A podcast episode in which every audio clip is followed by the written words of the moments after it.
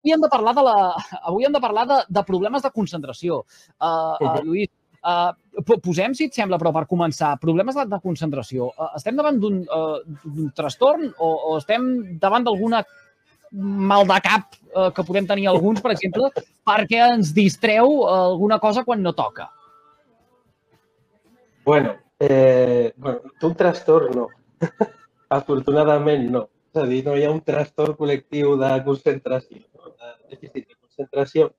El que sí és cert és que bueno, està canviant molt la nostra societat, les tasques cognitives que fem cada dia, la naturalesa de les tasques cognitives que fem i com les fem, i això eh, té un impacte a la nostra biologia. I si és veritat que hi ha molts estudis eh, neuropsicològics bueno, que comencen a, a posar de manifest que hi ha un, una reducció del temps, la capacitat de concentració, eh, per exemple, dels joves respecte als adults que van créixer en un entorn totalment diferent i principalment un entorn que no tenia les xarxes socials. Que si vols, en podem parlar una miqueta de- d'aquestes Sí. xarxes i de, i de quines característiques tenen per, per fer-nos arribar fins a Uh, per, per, per tant, uh, el, el, Lluís, de, de, diríem que a dia d'avui, en ple segle XXI, estem més distrets o més despistats uh, que no pas els nostres pares i avis? no és que estem més distrets, és que tenim molta menys capacitat per focalitzar la nostra atenció durant un llarg, llarg període de temps en una tasca concreta. En realitat, estem molt atents, però estem molt atents a moltes. És a dir, estem, tenim una atenció molt dispersa, molt dividida, no? que canvia molt d'un objecte a l'altre. No? Els nostres avis potser tenien una capacitat per agafar una tasca i mantenir-se en aquesta tasca durant molt més de temps que el que fem nosaltres però potser no tenien aquesta capacitat per estar tan pendent de, de tantes coses a, a la vegada. O sigui, vull dir que és, és realment un, un canvi de focus atencional. Eh, t- Tot això, però, eh, entenc que també ve marcat una mica pel caràcter de la persona, no? Eh, és a dir, el que pugui eh, despistar eh, un company de feina, potser a mi no em despista. Ara posaré eh, un exemple eh, tan pallasso com, per exemple, el fet d'estar escoltant música mentre eh, es llegeix o mentre es redacta. A, a mi em passa. Jo, per exemple, no, no sé escriure si al costat tinc sonant una cançó que, ostres, em recorda o em transporta en una altra banda. I. Llegir, escriure, per exemple. Però segurament que hi ha algú que pot estar treballant amb música. Sí, absolutament. De fet, o sigui, aquesta reducció de la concentració estem parlant de mitjana. I hi ha, evidentment, moltes diferències individuals. Si hi ha una cosa verdadera en ciència, és que el que és cert pel grup no és cert per l'individu, necessàriament. És a dir, la mitjana del grup recull eh, totes les variabilitats individuals eh, dels individus no? que s'inclouen en l'estudi. Per això pot haver-hi persones amb més capacitat o menys de concentració. El que sí estan dient algunes dades és que potser aquesta capacitat mitjana de concentració podria estar reduint-se. Vale? El que és difícil de trobar és eh, una mesura concreta. Vale? Varia molt en funció de la font d'informació que consultis. Et dirà que si és reduït de, de dos minuts, abans era cinc i ara dos. Abans era tres i ara un, no? Per exemple, s'ha arribat a publicar, per exemple, comparant versus adults. Lluís, farem una cosa, és que, és que si no eh, es farà molt feixuc eh, aguantar la connexió eh, i ens cansarem nosaltres i cansarem a l'audiència. Ens estaves explicant eh, els, els minuts, no? Els eh, dos o cinc minuts eh, que, que, que Sí, sí, sí, eh, sí. poden, poden distreure eh, amb, amb una o una altra persona. Sí, sí, hi ha alguns estudis que diuen que, per exemple, eh, un estudi, per exemple, va intentar comparar la capacitat de concentració, el temps de concentració entre adults que no havien crescut, que no eren nadius digitals, contra un grup de joves que sí eren nadius digitals. D'acord? I aquest estudi, per exemple, parla de 3 minuts de concentració vale, en adults versus un minut dels joves nadius digitals. És a dir, ja mostra una clara diferència entre les persones eh, per dir-ho així, eh, que han viscut amb un canvi de societat, no? amb un canvi de relació, Mhm. el que dèiem, el context i la informació, versus els adults, no? quan tu parlaves de la gent gran. Mm. Aquí també hi entra en joc el factor, Lluís, de, per exemple, la responsabilitat dels pares a l'hora de facilitar un uh, telèfon mòbil, uh, un telèfon intel·ligent als uh, fills, que sí, molt bé, són nadius digitals, però si no tenen aquest aparell per distreure's a l'hora de uh, estudiar o fer els deures, segurament que no es distrauran. Sí. Eh, L'ús de les xarxes socials, per les seves característiques, eh, té aquesta capacitat per interrompre el que anomenem eh, cicles d'atenció. És que això són una mica, seria una mica més extens d'explicar, vale? però bàsicament nosaltres el que fem contínuament al nostre dia a dia és establir cicles d'atenció. No? En això hi ha com quatre xarxes principals que, que funcionen darrere d'això. Una primera xarxa, estic, estic parlant de xarxes cerebrals, eh? neurobiològiques. Sí, sí, sí una primera xarxa d'alerta, que es diu, no? o d'arousal, que és eh, quan eh, detectem algun estímul que capta la nostra atenció, no? que volem atendre, una xarxa d'orientació, vale? que el que fa és prioritzar i discernir si això és important, si no ho és, i, i dirigir els nostres recursos atencionals cap allà, i una xarxa executiva que el que fa és mantenir la concentració aquí. Vale? Aquesta concentració dura durant un temps, després perdem d'alguna manera el focus i anem amb una xarxa que es diu xarxa neuronal perfecta, vale? que és, és una xarxa que el que fa és una, un scan, per dir-ho així, no? És una, és una manera més d'escàner atencional. Vale? Doncs eh, nosaltres fem contínuament aquest tipus d'aquests cicles. Vale? Aquests cicles es van repetint. Vale? Què passa amb les xarxes socials? Les xarxes socials acceleren molt aquests, eh, aquests cicles. Per què? Perquè els missatges, per exemple, que podem eh, consultar a les xarxes socials són, són curts, són ràpids, són dinàmics i són canviants. És a dir, el, el, la quantitat de temps la que tu has de, has de mantenir-te concentrat en això és molt reduïda. D'acord? I a més a més, eh, estan dissenyats per otorgar un reforçament immediat, ¿vale? fer eh, elevar, per exemple, els nostres nivells de dopamina i generar una mica d'expectativa, no? Eh, és a dir, reforçar la conducta de revisar contínuament el que hi ha a les xarxes socials per obtenir aquesta mena de gratificació. Vale? Clar, però aquí en, en, entenc, Lluís, que també hi entra una miqueta en joc la, la voluntat de la persona. Uh, és a dir, per anar a dormir Uh, necessitem tenir al costat de la tauleta de nit el uh, telèfon mòbil per si uh, ens desvetllem en algun moment o altre i uh, mirar les xarxes o quan hem sortit de la feina uh, hem d'estar pendents de si ens arriba un correu electrònic. Uh, aquí després el, el, el, el grau en l'escala de distracció o d'inputs que uh, un o una vol que li arribin uh, se'ls posa cadascú. Sí, però és un esforç. És a dir, o sigui, normalment és un esforç, clar, i aquí està el tema. No hi ha solucions miraculoses. És a dir, concentrar, o sigui, um, entrenar, variar els nostres hàbits de concentració requereix un esforç. Per què? Perquè estem competint amb el pitjor enemic que tenim, que és un, és un enemic que es reforça molt ràpid, ¿vale? Que otorga moltíssim contingut en poc temps, és a dir, en poc esforç, mm i a més a més genera el que tu dius, que això està descrit a la literatura, que es diu fear of missing out.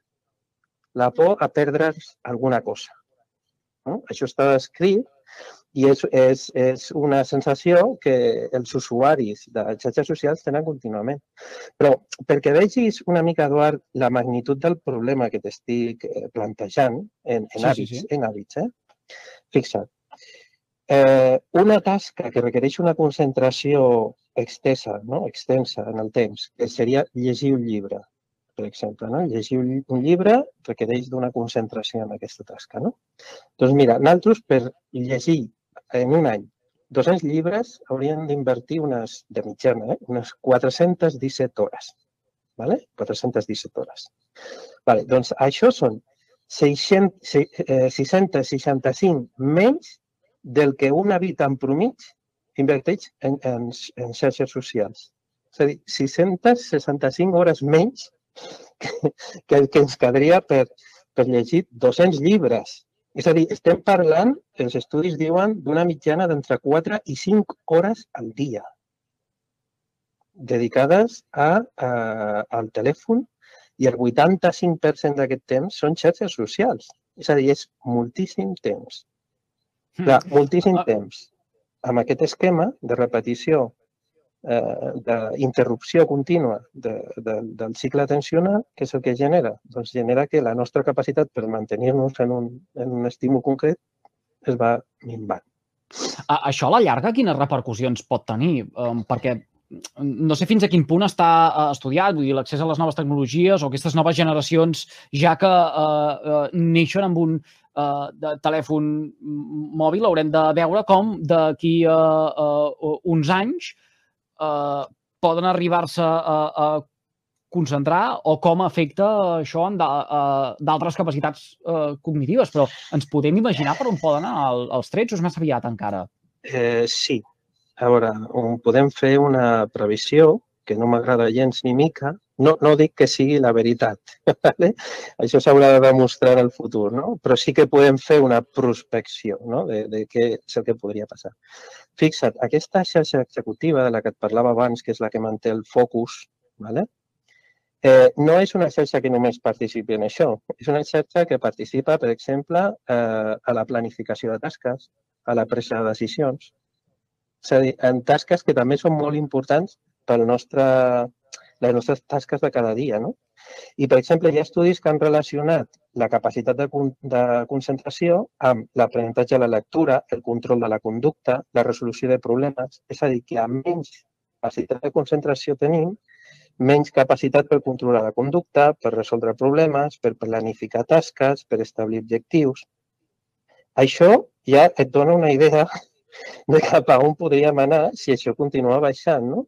Més problemes de control de conducta, eh, més problemes d'adaptació, mm, podria anar per aquí la cosa. Però és que a banda d'això, eh, fa molt poquet s'ha publicat en un jornal que es diu Pediatrics, que és mm. eh, bastant prestigiós, eh, en el que s'ha estudiat eh, com l'exposició a xarxes podria fins i tot eh, modificar el normal desenvolupament del cervell. I, per exemple, en aquest estudi s'ha trobat que l'exposició a xarxes pot, pot eh, modificar el sistema de recompensa de la dopamina.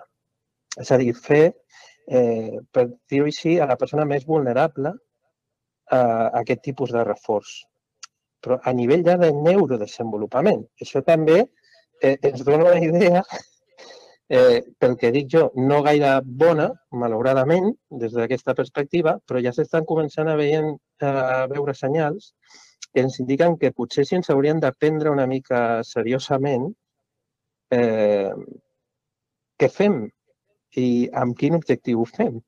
No fer per fer, no? Déu-n'hi-do, déu nhi déu un, un escenari, com dèiem, eh, que, que seria una eh, hipòtesi. En tot cas, hi han eh, publicacions prestigioses que comencen ja a dibuixar-lo i ens hauria, nivell comunitari, de eh, eh preocupar una, una mica. Lluís, eh, si, si volem posar remei, és a dir, eh, us arriben a vosaltres, els eh, professionals de la psicologia, eh, a consulta uh, famílies, pares, mares, sobretot aquests nadius digitals que volen posar remei, que volen posar uh, solució a la manca de concentració arran de les xarxes socials en els seus fills i filles? Sí. Eh, sí, però és que ara, ara te, te, et diré una cosa que potser també et sorprendrà, no? Però, clar, mm, sí que arriben persones que diuen estic molt dispers, eh, no aconsegueixo concentrar-me, no? Aquest tipus de, de sol·licitud sempre hi ha consulta, vale? i al final que, al, al final que treballem pues, és una mica control de l'entorn i exercicis que ens ajuden, no? com faries amb qualsevol altra habilitat, que ens ajuden a entrenar una miqueta aquest tipus de concentració. Però no és una demanda majoritària a nivell de família, perquè és que els pares també estan en el, en el problema. Clar, o sigui, la imatge de les persones assegudes a taula, cadascuna amb el seu mòbil, amb una cafeteria, cadascuna amb el seu mòbil, això és una cosa molt habitual.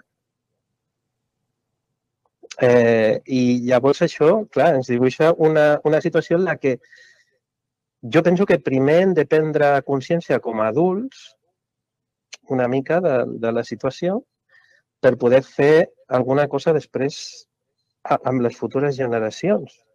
perquè quin, quin, quin remei hi ha? El que, és a dir, quin és el... el quan, quan, es, quan el, en aquest cas doncs, el psicòleg o psicòloga eh, veu quina és la realitat d'aquesta família, d'aquest infant o d'aquest adult, eh, de, de, de qui sigui, uh, fa un uh, diagnòstic i què li prescriu? A la família. no? Eh, mira, hi ha una cosa a la família que, que no sé si hem perdut una mica eh, la consciència del poder que té això i potser l'hauríem de, de recuperar, que és l'exemple. És, és la pedagogia de l'exemple. Vale? Primer, no serveix de res dir a un nen que està amb el mòbil és dolent estar tanta estona mentre tu et passes el dia mirant el mòbil. Això es diu missatge paradògic. Vale? I això el nen, l'infant, no ho entén. Si volem que el nostre fill eh, dediqui temps a tasques que requereixen concentració, ens ha de veure fent aquestes, tanques, aquestes tasques a nosaltres. No, no mm. podem pretendre que el, o, o voler que el nostre fill llegeixi un llibre si això no forma part de, de la cultura familiar. No podem voler que el, no, no, no aconseguirem que el nostre fill estigui a taula sense estar pendent de les xarxes si quan nosaltres sortim a dinar o estem amb ell portem el mòbil a la taula. És a dir, mm, i després eh, eh, no utilitzem el mòbil com una Mm, manera, i em sap greu dir-ho, de que els nanos no molestin. Aquest és, és el segon gran problema, jo penso, no? Per què? Perquè és una manera de, de treure l'atenció de l'infant d'una manera mm, brutal no? i directa i funciona molt bé per l'objectiu amb, amb què es fa, però molt malament pel, pel desenvolupament neurològic del, del, del nen déu nhi eh? Hem d'aprendre moltes coses. Uh, jo estic prenent nota, eh, sí, jo estic prenent nota uh, perquè realment hi han coses d'aquestes que també les estic uh, aplicant en el meu dia a dia d'una manera molt errònia uh, i, i crec que el, uh, al final això ens juga en contra també en el, en el futur. Uh, molt bé, va, abandonem telèfons mòbils, autocontrolem-nos. A veure si aquella analítica que ens fa setmanal ens diu que aquesta setmana hem aconseguit rebaixar les eh, xifres de la setmana passada. Però hi ha activitats que ens ajudin també a fomentar aquesta concentració, a millorar aquesta concentració. Parlàvem ara, per exemple, de, eh, de, de la lectura, l'hàbit de la lectura. Sí. Uh, no sé, a mi m'ha vingut ara una aquí al cap uh, com a persona que uh, poc o molt arriba a teclejar uh, un, un piano. Ostres, la concentració per tocar un instrument també és molt elevada eh, podem sí. eh, aconseguir millorar la capacitat de concentració d'un infant o d'un eh, adult, per exemple, anant a classes de música? I tant, i tant. Sí, sí.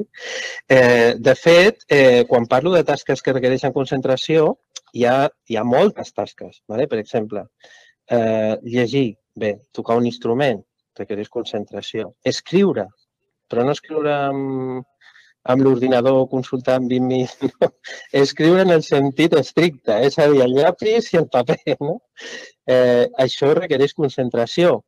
Els, eh, els, sudokus, els, eh, no? aquestes coses que hem, que hem oblidat, no? els, el, el, de cercar paraules. No? Eh, els exercicis de relaxació o de concentració, meditació també hi ha estudis que diuen que poden ajudar. No, no és que sigui l'únic mètode, no?